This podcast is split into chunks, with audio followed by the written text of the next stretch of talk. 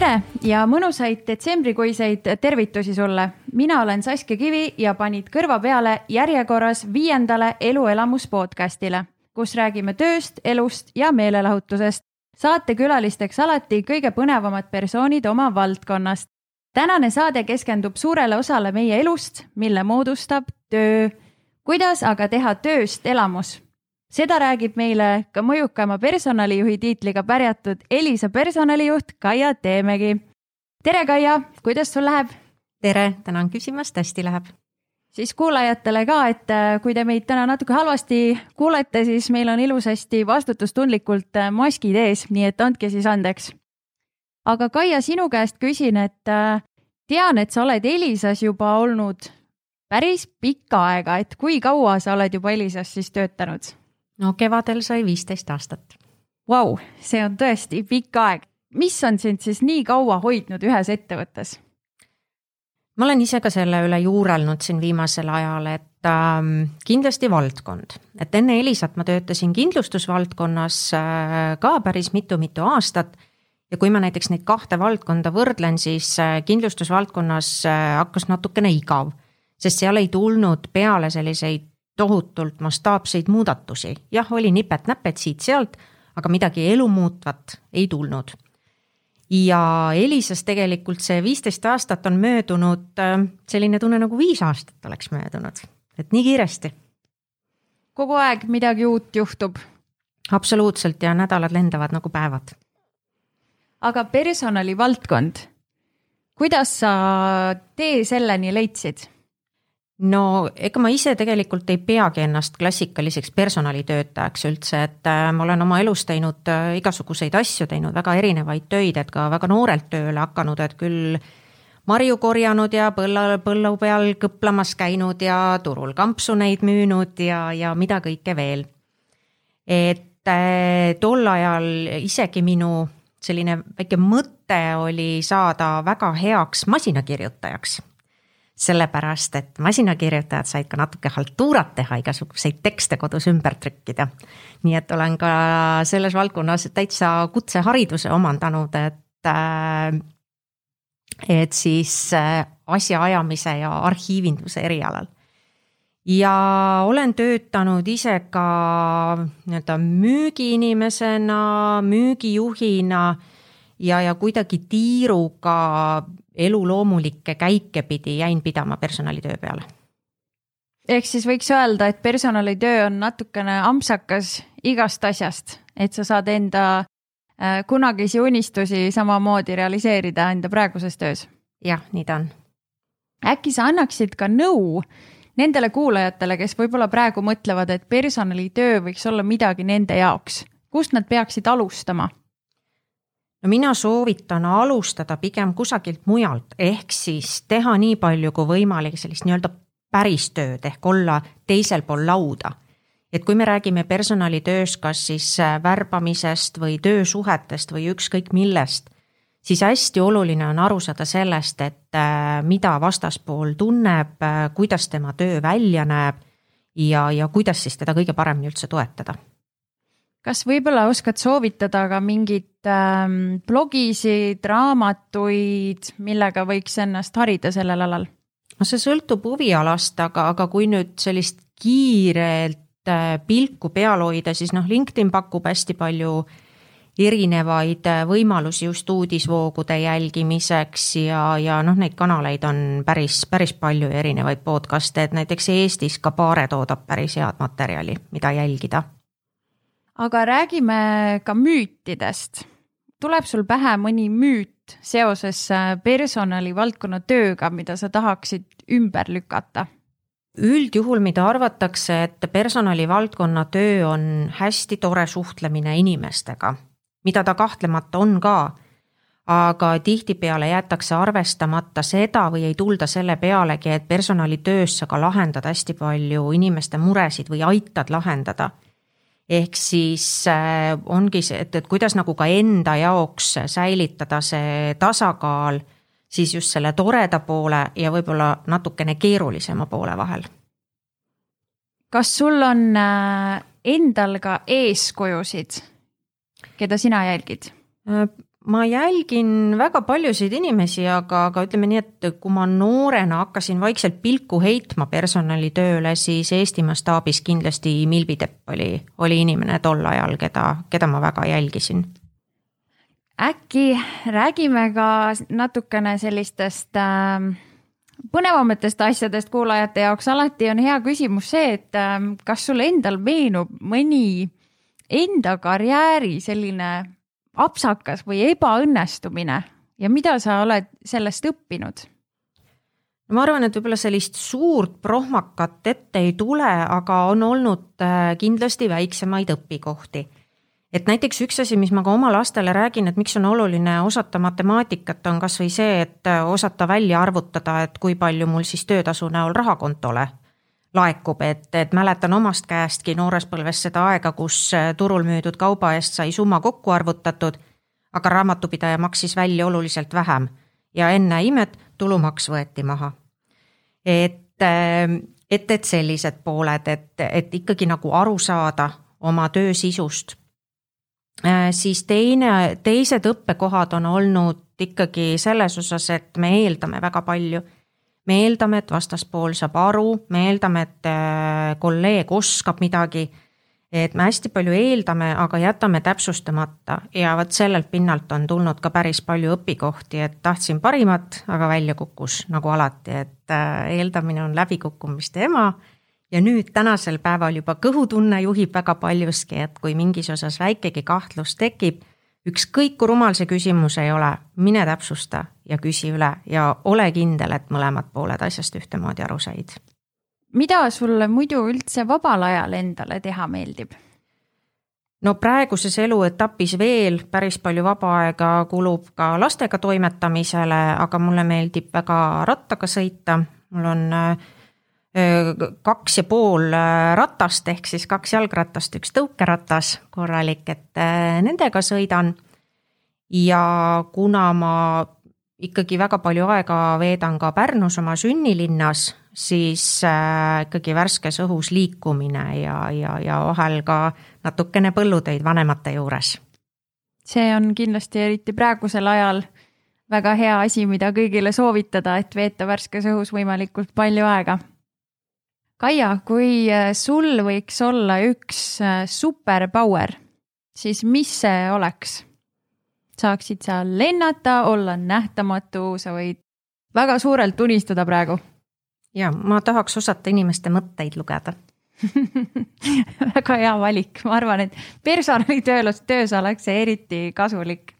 aga liigume edasi siis äh, töisemate teemade juurde Elisa on ju tuntud kui äh, kaugtööd äh, soodustav ettevõte ja seda ka tugevalt enne seda, kui nüüd väga paljud meist jäid tänu hetkeolukorrale kodus tööd tegema. et äh, kuidas ja miks Elisa üldse alustas selle kaugtöö suuna näitamisega?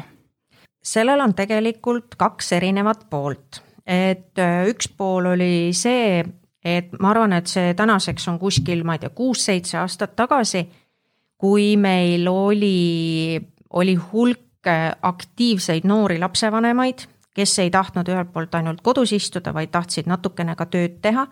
ehk me hakkasime otsima võimalusi, et kodus, kuidas seda olukorda siis lahendada.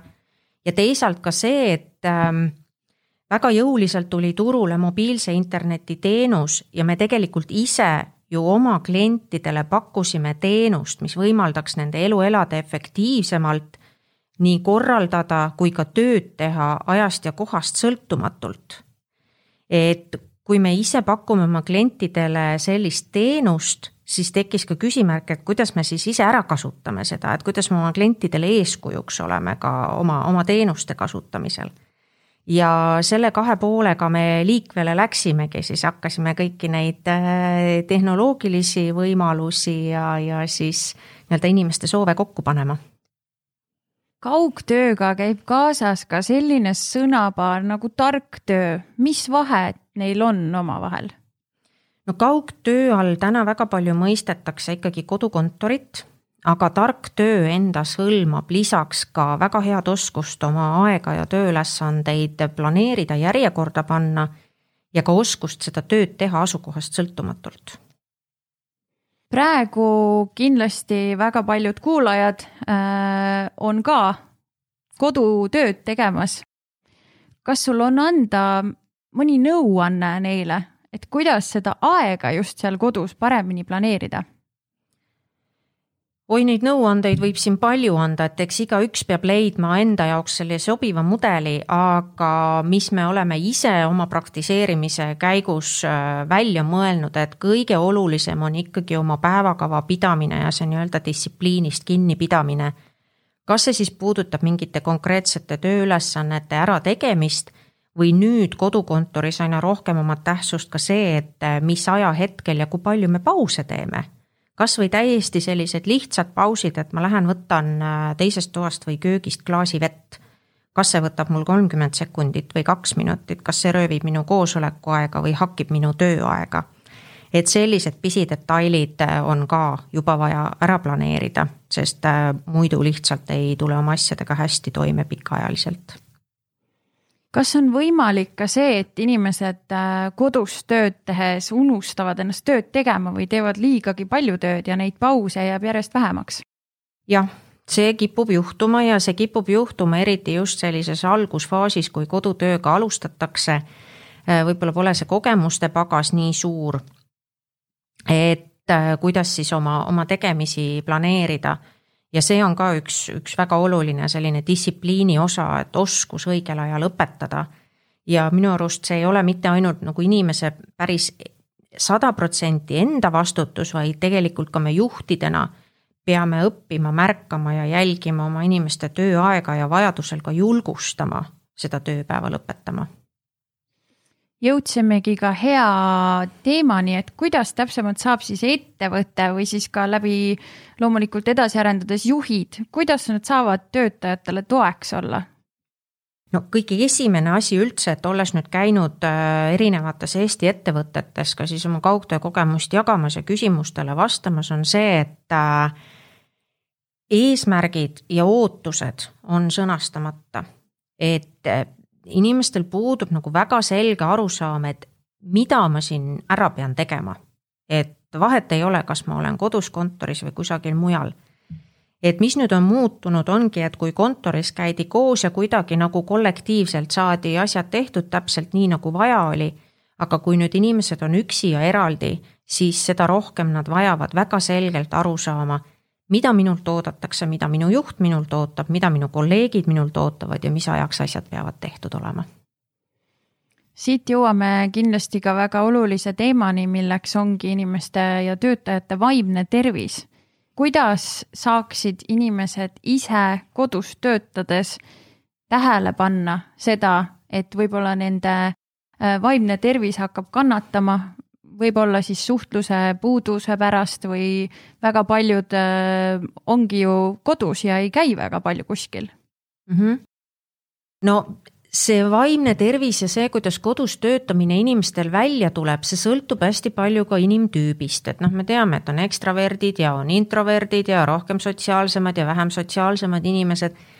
et kõik need tüübid tulevad äh, koduses keskkonnas erinevalt toime ja nüüd ongi nagu oluline see, et milline on töökaaslaste tugi ja milline on juhi tugi nendele inimestele.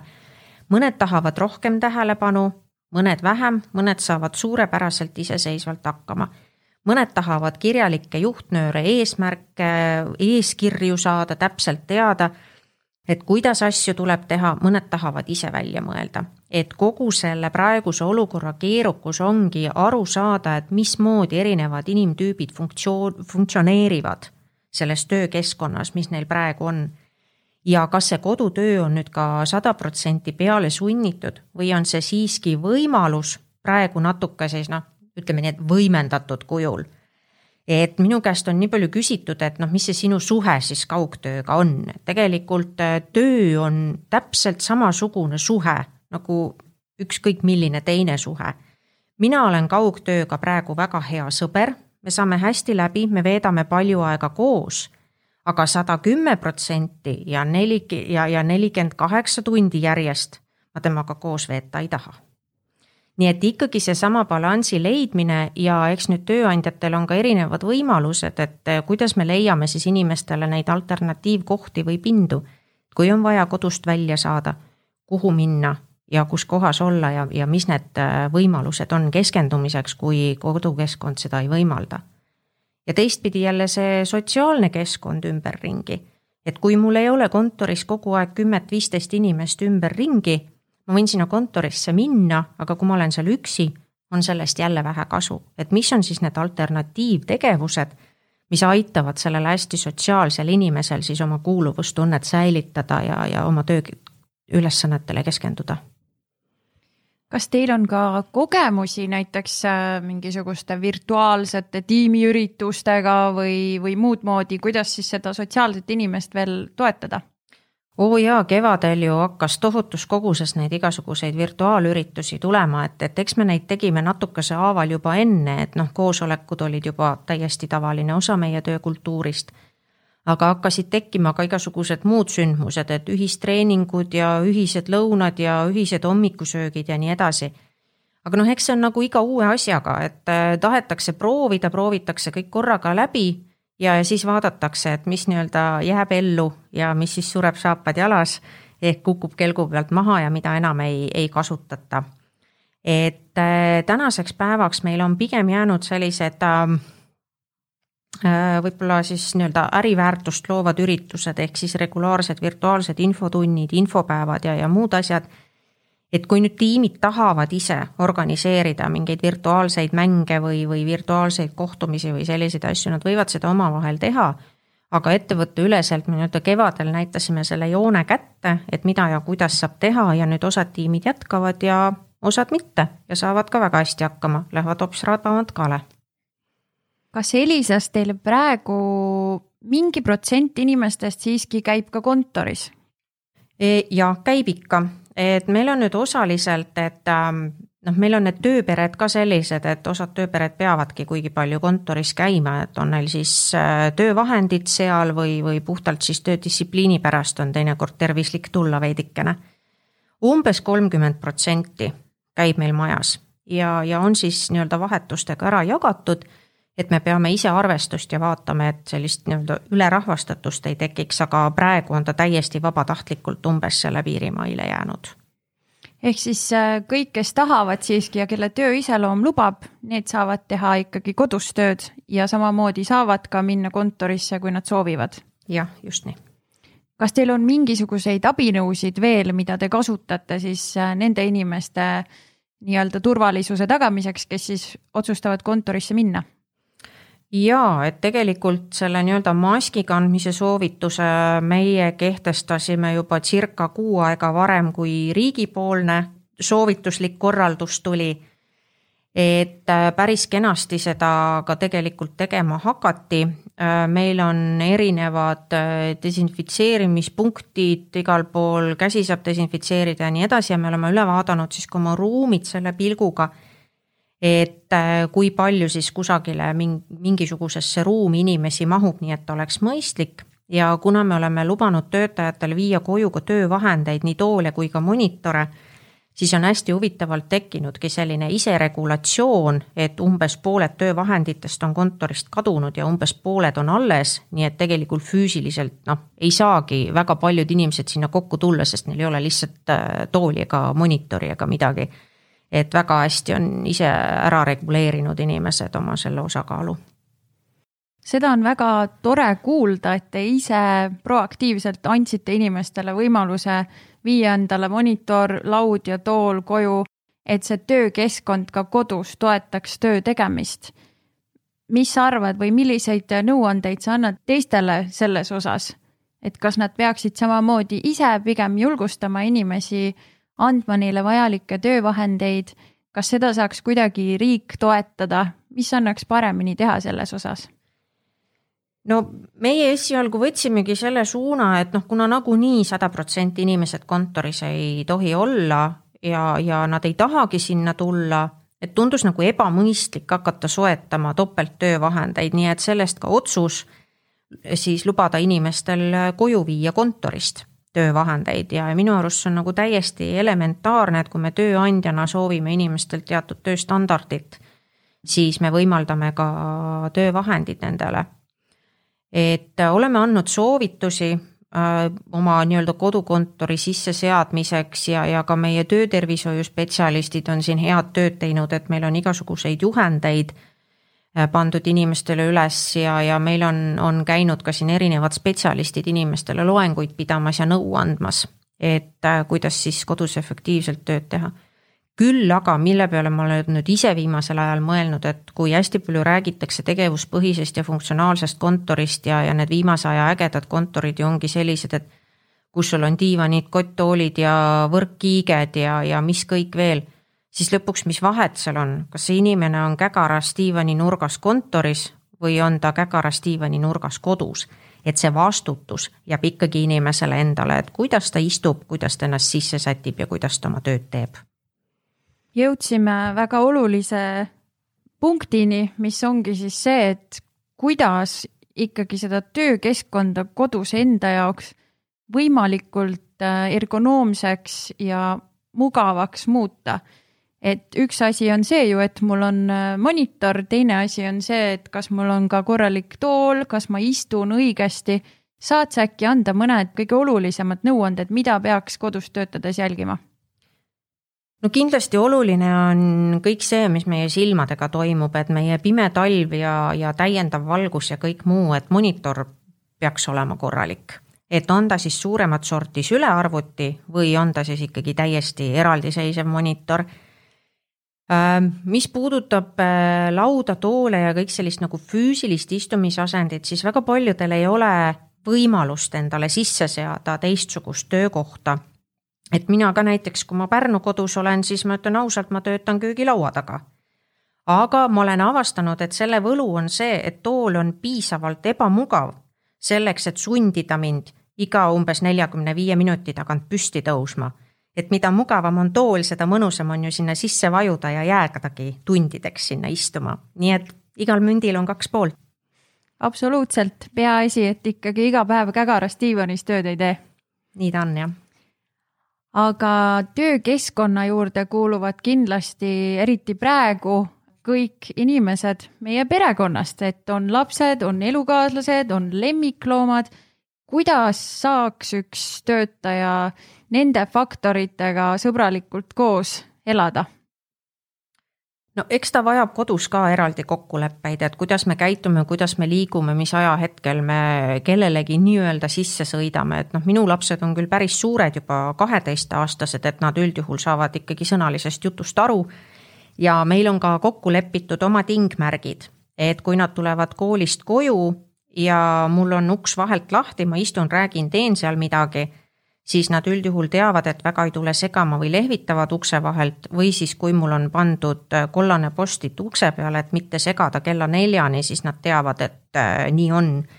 ja vahel, kui on väga hädaolukord, on juhtunud ka nii, et teiselt korruselt saadetakse mulle telefoniga sõnum esimesele korrusele, et, et millele siis on võimalik reageerida. küll aga meil on kokkulepe see, et äh, töö ajal minu tööruumi nemad ei tungi ja tegelikult on täiesti võimalik hakkama saada väiksemate lastega on kindlasti keerulisem. Äh, rääkisin ka ühe, ühe kolleegiga just ja tema ütles, et tema siis tegi endale sellise metoodilise kava, et äh, iga hommik ta otsib välja teatud hunniku mingisuguseid vidinaid ja jubinaid selle arvestusega, et, et need suudaksid lapse tähelepanu tõmmata vähemalt äh, pooleks tunniks. et need on väga erinevad asjad, alates pudeliharjast lõpetades vetsupaberirulliga, lihtsalt loovust nõuab see, et mis on siis see järgmise aasta portsjon ja kui on vahepeal keskenduda vaja, natukene vaikust vaja, siis lihtsalt anda see asi lapsele kätte ja põhimõtteliselt saab ka hakkama. pikaajaliselt on keeruline, lühiajaliselt tehtav.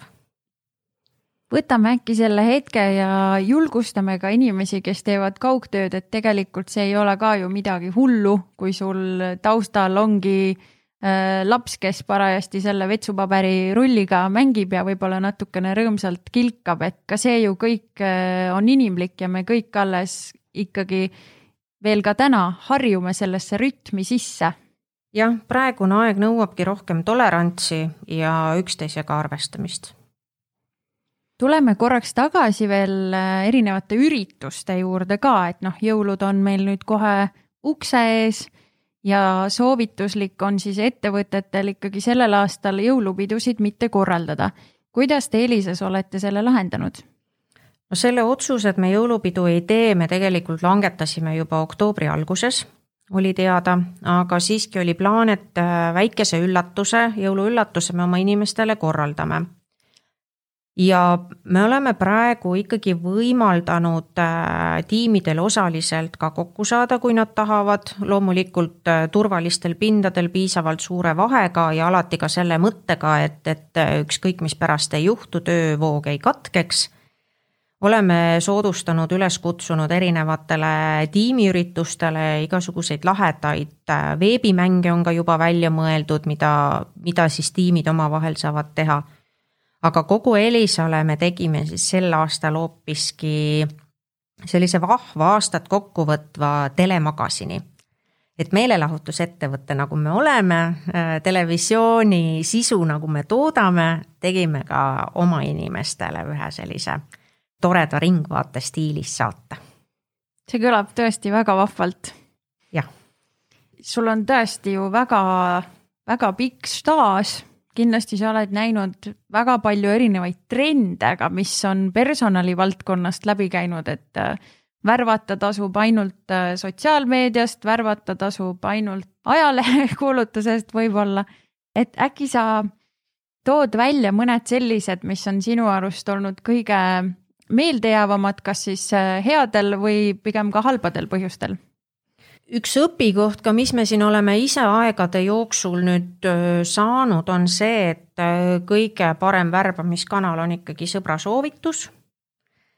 kui me räägime igasugustest muudest kanalitest, siis arvestades, et täna on Elisas tuhat kakskümmend viis inimest ja üle kuuekümne erineva tööpere, siis see tähendab ka seda, et meie profiile on väga palju erinevaid ja nende profiilide puhul töötavad ka erinevad kanalid et äh, ol-, me ei saa öelda, et on üks ja õige, lihtsalt eri gruppide puhul peab vaatama selliseid erinevaid kohti. Äh, mis on aja jooksul muutunud, äh, ütleks nii, et selline üldfilosoofia töö suhtes ja juhtimises on muutunud. et ikkagi otsitakse rohkem partnerlust, mm, otsitakse rohkem rohkem mõistmist ja otsitakse rohkem ka hoiakuid.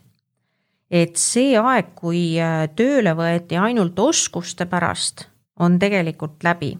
et äh, ikkagi meie koostöö ja kollektiivne suhtlus on, on nii tugev, et ilma koostööoskuseta ei saa ja kui ma vaatan ka nüüd noori inimesi, kes meile tööle tulevad, siis äh, Nad on väga kiired ja nad otsivadki tegelikult ikkagi kogemust ja emotsiooni ja soovi midagi ära teha. et ei tule keegi enam sellepärast kusagile tööle, et arvab, et ma nüüd järgmised viisteist aastat teen siin tohutut karjääri. ei tulnud minagi kunagi nii tööle.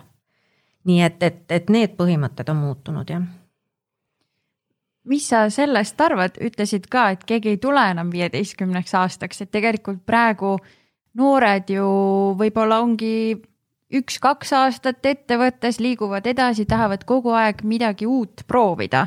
et kas see on pigem hea asi või, või mitte? mina arvan, et see on hea asi, sest äh, mida rohkem erinevaid töökohti noored läbi käivad, seda rohkem nad saavad kogemust ja seda selgem arusaam neil tekib sellest, mis neile ei meeldi, mis neile meeldib ja mida nad teha tahavad ehk siis, kui nad ükskord selle endale sobiva ettevõtte leiavad, siis, siis nad on paigas. ja siis neil on seal huvitav ja, ja nad teevad oma tööd südamega. nii et mina soovitan küll võimalikult palju erinevaid kogemusi omandada ehk ei tasuks karta, kui pead CV-sse kirjutama, et oled äh, viiel erineval töökohal olnud ja võib-olla mõnel neist ainult äh, kaheksa kuud, pool aastat, aasta aega, et see on täiesti okei okay ja mina vaatan seda pigem positiivse pilguga. kui me juba CV-st äh, korraks rääkisime, siis äh, minu arust see on alati hästi selline huvitav teema, et kuidas, kuidas, milline näeb sinu jaoks välja üks väga hea CV? väga hea CV näeb välja selline, et kui ma vaatan, äh, kui ma teen lahti tänasel päeval juba faili siis ma saan inimesest ülevaate ilma lehte scroll imata. ehk siis enda kokkuvõte tuleb panna kliki kaugusele, ühe kliki kaugusele et see vana kaasa tulnud harjumused äh, loetletakse üles äh, hariduskäikus erinevate huviringidega ja millega kõik veel, et see on kolm lehekülge pikk. see täna enam ei tööta, see võib olla kuskil lisamaterjalis, aga mitte põhitutvustuses. Teine asi, mida ma olen märganud, on see, et äh, ei viitsita tihtipeale endale selgeks teha, et mis ettevõttega on tegemist, kuhu ma oma nii-öelda tööle tuleku soovi saadan. Ähm, kas siis eksitakse ettevõtte nimega või eksitakse valdkonnaga, täiesti selliseid hooletusvigasid tuleb ette. aga ikkagi ei mõelda jah, tõesti selle peale, et kui ma selle faili avan täiesti võõra inimesena, mis mulle sealt vastu vaatab kas teil on juhtunud, et keegi on intervjuul öelnud, et väga sooviks Teliasse ikkagi tööle saada? Need inimesed ei ole jõudnud meile intervjuule ilmselt mitte aga sooviavaldusi on küll tulnud küll Elioni ja, ja muudesse toredatesse ettevõtetesse on tööle soovitud tulla. hea CV siis ühesõnaga on tänapäeval lühike, konkreetne ja ülevaatlik ja pigem jääb ühe lehekülje peale. Jah, nii on. CV-ga käib kaasas ka selline asi nagu motivatsioonikiri, kas see on ka tänapäeval veel oluline? Ta on oluline võib-olla tähelepanu äratamise mõttes. Ja noh, neid motivatsioonikirju ma olen vaadanud, et, et mõned tublid inimesed tõesti, kes, ähm, kes pole ammu kandideerinud või otsivad kusagilt internetist juhendeid, siis kirjutatakse selline hästi ametlik tekst kokku, et käes, käesolevaga soovin teile kandideerida ja nii edasi. et tegelikult motivatsioonikiri peaks ära näitama selle, et äh, mis väärtust inimene suudab luua ettevõttele ja mida ta ootab sellelt ettevõttelt, kellele ta oma tööjõudu tuleb müüma. ehk siis motivatsioonikiri ei ole ka see koht, kus lihtsalt ümber kirjutada enda CV-d ja rääkida ainult enda mineviku saavutustest, vaid pigem just see, kus rääkida sellest, mida sa suudad sellele ettevõttele pakkuda, kuhu sa kandideerid. jah, sest tegelikult me räägime ju klassikalisest kaubandusahelast, et äh, inimene soovib müüa oma tööjõudu ja mina ostan seda kuidagi, kuidagi siis mingisuguse väärtuse eest. ja me mõlemad tahame ju aru saada siis, et töötaja vaatevinklist siis, äh, kellele ta oma tööjõudu müüb ja mis lisaväärtust tema sellest saab ja mina ostjana samamoodi kas tänapäeval võib CV ja motivatsioonikirja üldsegi asendada ka miski täiesti muu, olgu see siis äh, kellegi LinkedIn'i profiil, olgu see IT-valdkonna puhul näiteks mõni keerukam kodutöö, mille kandideerija peab läbima? ja et videotutvustusi tuleb ka päris palju, nii et ma arvan, et ei ole palju aega enam sinnamaale, kus meil äh, tulebki see kandideerimissoov läbi Snapchati või, või sootuks läbi Tiktoki klipi. mainisid korraks äh, video kandideerimist, tean, et olete seda Elisas katsetanud. kuidas teil sellega läinud on? meil on läinud sellega päris hästi, et kui me sellega alustasime, esimesed videokuulutused me tegime ka äh, oh, ma ei teagi, üle viie aasta tagasi vist, noh siis see oli nii tohutu innovatsioon, et, äh, et, et inimesed nagu ei osanud sellest isegi midagi arvata. tänasel päeval äh, ütleme noorte puhul on ta pigem juba isegi okei okay,, et julgetakse seda teha äh, ja vaataja seisukohast ka, et tegelikult sa saad ju mitu kärbest ühe hoobiga, et sa näed inimest ja sa kuuled ja, ja, ja tekib nagu selline vahetu, vahetu suhtlus, et äh, oleme kasutanud küll ja, ja kasutame ilmselt edaspidi ka. kuigi nüüd on väga paljuski juba videointervjuud asendanud, et sisuliselt tänasel päeval me pigem kogume kontakte, kellega siis video teel ühendust võtta. jõuamegi võib-olla sinna siis, et äh, kuidas praegusel hetkel üldse see värbamisprotsess välja näeb? no meil ta väga palju muutunud ei ole et oma olemuselt neid videointervjuusid me oleme teinud juba aastaid, et see ei olnud meie jaoks midagi uut. küll aga, mis on muutunud, on läinud oluliselt tempokamaks, et see värbamisprotsess ise ei ole enam nii pikk ja olgem ausad, inimesed ei viitsi ka oodata nädalate viisi, et kas nad saavad mingit tagasisidet või mitte. ja mis on olnud küll minu jaoks üllatav, et näiteks üks joon, mida me oleme Elises kogu aeg hoidnud, on see, et kõik kandidaadid saavad meilt tagasiside. Et kas nad äh, isegi siis, kui nad ei osutunud valituks või, või nende sooviavaldus kusagile kaugemale ei jõudnud. sest minu arust see on nagu elementaarne lugupidamine juba seetõttu, et inimene võtiks, võttis vaevaks äh, meie poole pöörduda, on viisakas anda talle tagasisidet et olen kuulnud, et päris paljudes ettevõtetes seda ei tehta. noh, eks see sõltub mahtudest ja tarkvarast ja kõigest muust. aga seda siiski võiks teha. Kindlasti on veel võib-olla sulle anda mõni selline nõuanne äh, või tähelepanek, mida võib-olla teistes ettevõtetes veel ei osata teha, mida teie teete enda värbamisprotsessis paremini kui teised või olete saanud äkki tagasisidet just äh, kandideerijatelt? no viimasel ajal on siin päris palju räägitud ka onboarding ust kui sellisest, et äh, mina ütlen, et värbamisprotsess ei lõpe sellel hetkel, kui inimene esimest päeva tööle tuleb, see lõpeb oluliselt hiljem. ja samamoodi, kui me räägime ka näiteks majasisestest liikumistest, et meil inimesi liigub päris palju, et äh, kuskil aastas umbes äh, sada erinevat inimest vahetab ametikohta et äh, seda tasub käsitleda täpselt samamoodi nagu tavapärast värbamisprotsessi, sest inimene liigub teise valdkonda, teise osakonda, teise juhi juurde, natukene teistsugused rutiinid ja nii edasi. et äh, samamoodi peab ta sisse elama uuel ametikohal ja, ja, ja nii edasi, et, et äh, värbamisprotsess ei lõpegi tegelikult mitte kunagi ära, et me peame seda inimest ju hoidma ka enda juures aga kuidas teha inim-, esimesed tööpäevad siis inimese jaoks või mitte isegi esimesed tööpäevad, vaid me räägime nädalatest, isegi kuudest tegelikult. kuidas teha see uue töötaja jaoks võimalikult meeldivaks ja toredaks? no inimene peab aru saama, mida ta tuleb tegema, mida talt oodatakse ja kelle käest ta nõu saab küsida et minu arust kõige hullem asi, mis saab üldse juhtuda, on see, et esimesel päeval te tehakse ekskursioon majas ja siis äh, jäetakse äh, sisekorra eeskirju lugema, inimene üksinda. et üldjuhul äh, need ebaõnnestumised tulevadki sealt, et inimene on jäetud üksinda ja, ja ta siis, ta ei tea, mis oma tööga peale hakata. jah, et inimesele antakse see tema nimeline kruus ja siis ülejäänud on tema muretseda kuidas siis saaks näiteks tulevane juht olla inimesele toeks? no see algab juba ka natukene kaugemalt, et esiteks see, et kui äh, inimene osutub äh, ametikohale valituks, et äh, kes talle selle kõne siis teeb, on see personalitöötaja või juht? et personaliosakond võtab endale ainult oma kolleege või, või personalitöötajaid juht värbab oma tiimi inimest ja üks hea tava, mida ka meie järgime, on see, et äh, juht ise helistab inimesele ja kutsub teda tööle. ja siis ongi, et kuidas esimesel päeval vastu võetakse, äh, keda, kuidas tutvustatakse, kuidas kõik see nädalakava ära jagatakse.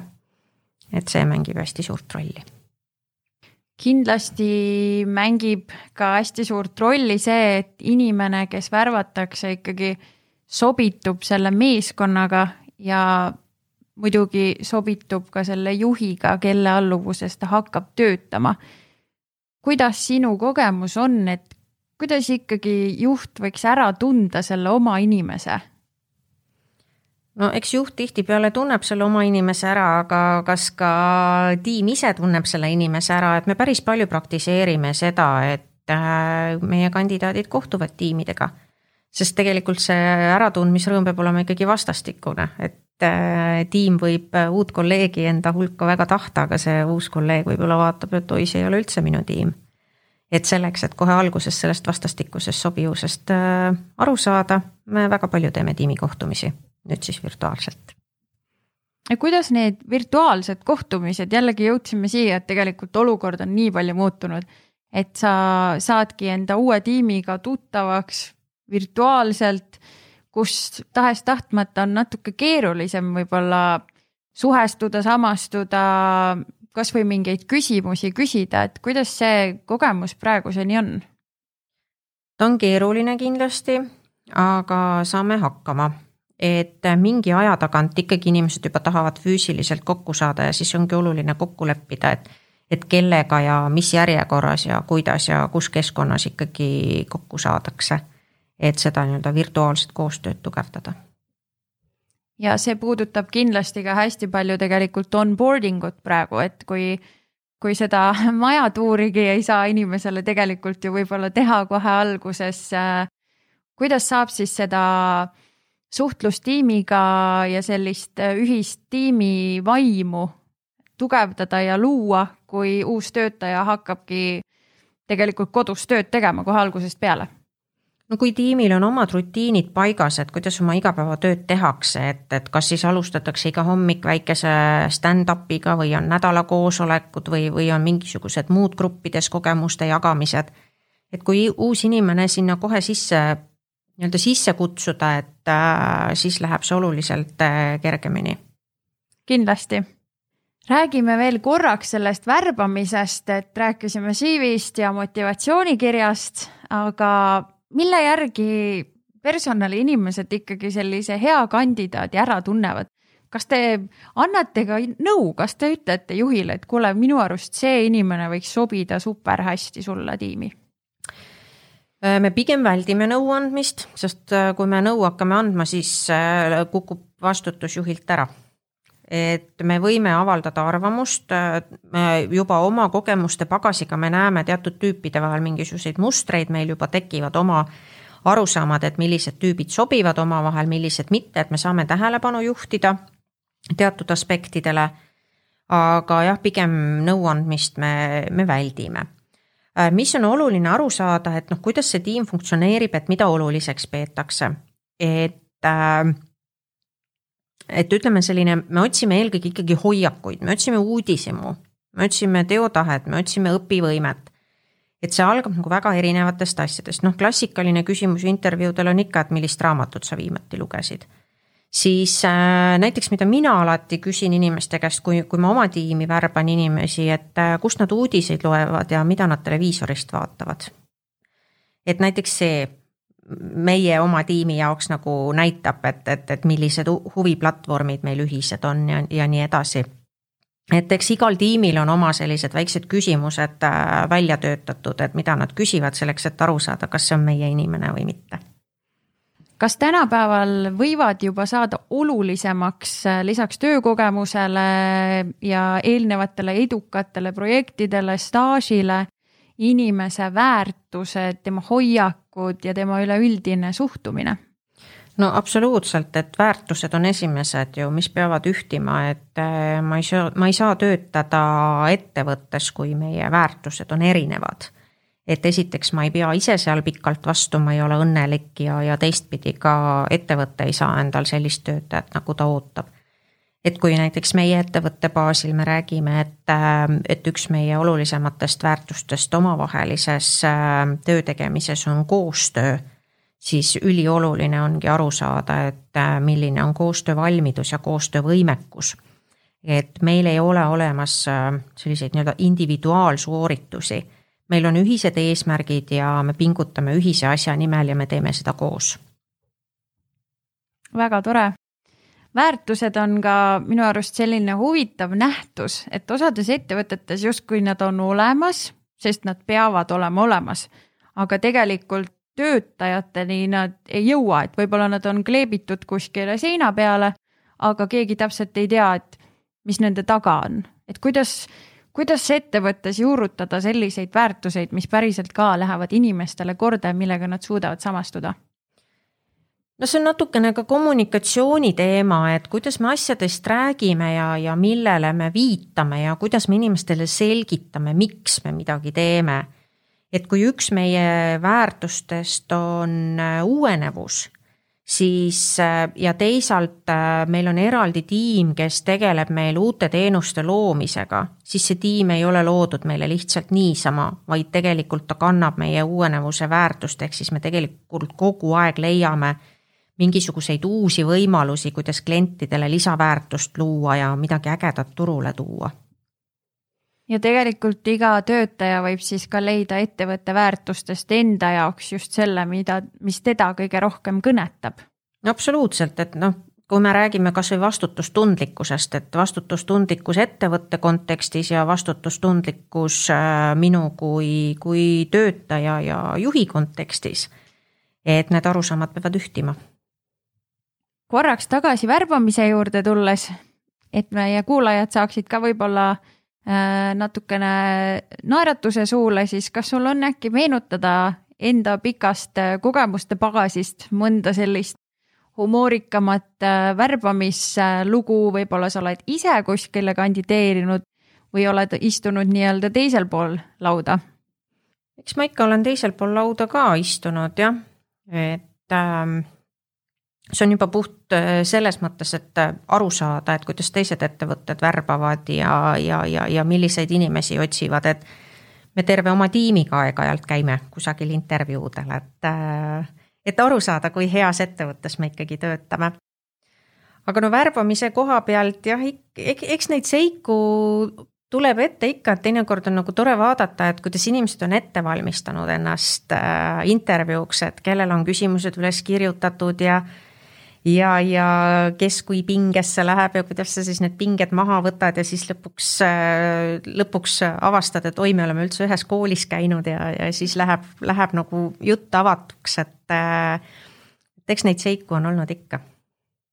võib-olla siin ongi hea võimalus anda näpunäiteid inimestele, kes äh, lähevad intervjuule, et kuidas sellest pingest lahti saada, et see on, ma arvan kõigi jaoks üks suurim selline takistav faktor, et alguses ikkagi ju kohtud uute inimestega, oled natukene sopsu täis ka, et kuidas mul läheb, mida nad must arvavad, kuidas seda enda jaoks mugavamaks muuta?